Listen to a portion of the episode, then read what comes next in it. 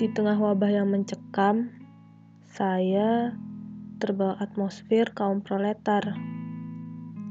Membayangkan dengan gaji minim, rumah 5 kali 5 meter persegi yang pengap dan sempit, kerja keras, sementara uang kandas.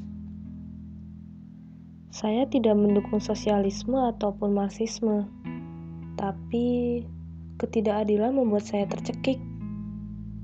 Setiap tahun, unjuk rasa tetap berkibar, bahkan di pelosok negeri. Tapi bagai angin, usaha berakhir jadi debu.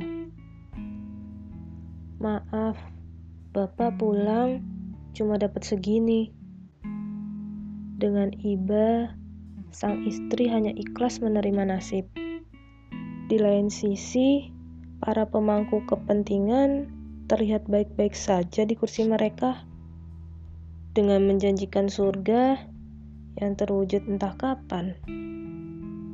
Lalu muncullah serikat buruh yang dulu meminta hak mereka dengan anarkisme. Saya rasa kaum sama rata sama rasa tidak dibenarkan di sini.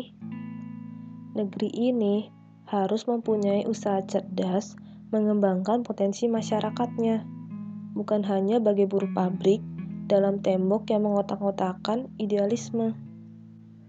Keadilan harus dijunjung tinggi. Perbedaan kita leburkan menjadi satu.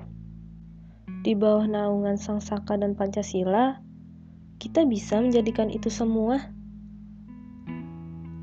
Sekian, 1 Mei 2020. Tertanda, Karsa.